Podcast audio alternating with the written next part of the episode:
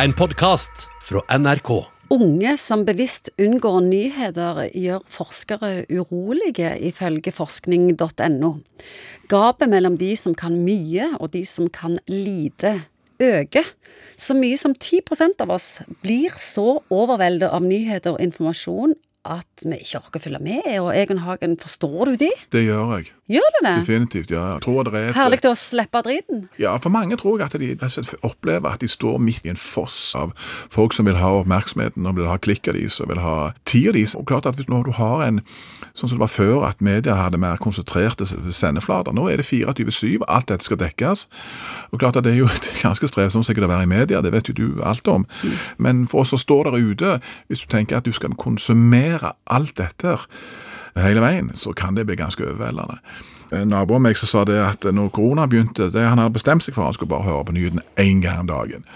Og Det er ganske klokt, faktisk. Et, som et forsøk på å ta dette filtreringsansvaret, eller redaktøransvaret, og i forhold til hva du ble eksponert for.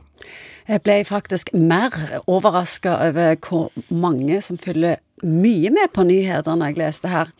Vi vet jo at nordmenn er blant de som følger mest med på nyheter i hele verden. Og hør, de som aktivt søker nyheter fra ut- og innland utgjør nesten 50 det er enormt mye. Og 90% følger moderat med, som òg er helt sjukt imponerende. Jo, men det er jo litt grann av for til andre land, så jeg tror at nyhetsbildet er mer sammensatt. Det er kanskje ikke den samme tillitsbasen. Og diktatur og diktatur, sensur og- sensur og, Ja, ja. og, og sant, mye rart. Liksom, det har gått en veldig sterk sånn politisk tråd gjennom massemedia på en annen måte enn her i Norge. Jeg tror det er en bedre tillitsbase, og folk tenker stort sett at det som kommer derfra er seriøst.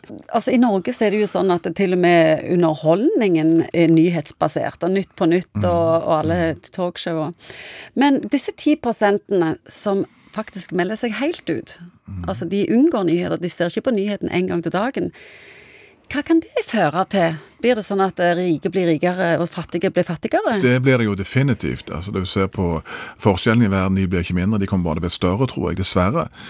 Og så kan det godt være at jeg- vet for lite hva som ligger bak de tallene, men det kan jo være en marginalisert gruppe av dette som kanskje er datt ut fra videregående skole, eller som på en måte har, har gitt seg litt på å henge med i samtida. Hvis det er tilfellet, så klart at det er jo mer bekymringsfullt.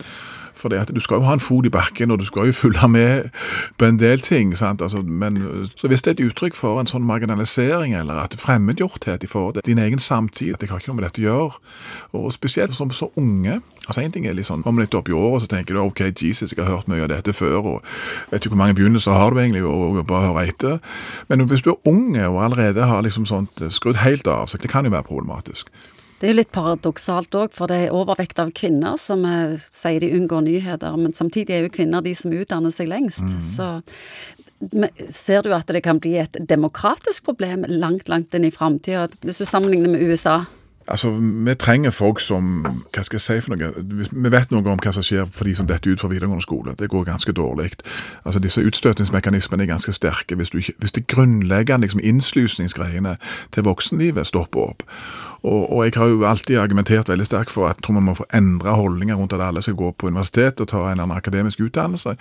Utdannelse kan i aller høyeste grad være knyttet til å ta seg et fagbrev. Men der er det i ferd med å skje tror jeg, en endring, sånn at mange av de som ville datt utfor, nå ser at faktisk kan du få deg en grei kjekk jobb, tjene gode penger, hvis du får deg et fagbrev. Men dere har vist at den enorme forskjellen mellom folk som kan mye, og folk som kan lite i et samfunn, det er farlig. Ja, og litt det samme. Vi har- snakket om det tidligere også, i forhold til hvem er det som stemmer og ikke stemmer. Det å ikke stemme er jo òg en ganske stor gruppe faktisk unge folk som ikke gjør. Og det kan ligge et element av resignasjon. At du kobler litt av samfunnet faktisk, før du er kommet skikkelig i gang. Ta en fot i bakken i forhold til hva som foregår. Det hjelper oss jo alle til å manøvrere litt sånn sikrere gjennom livet. Du har hørt en podkast fra NRK. Hør flere podkaster og din NRK-kanal i appen NRK Radio.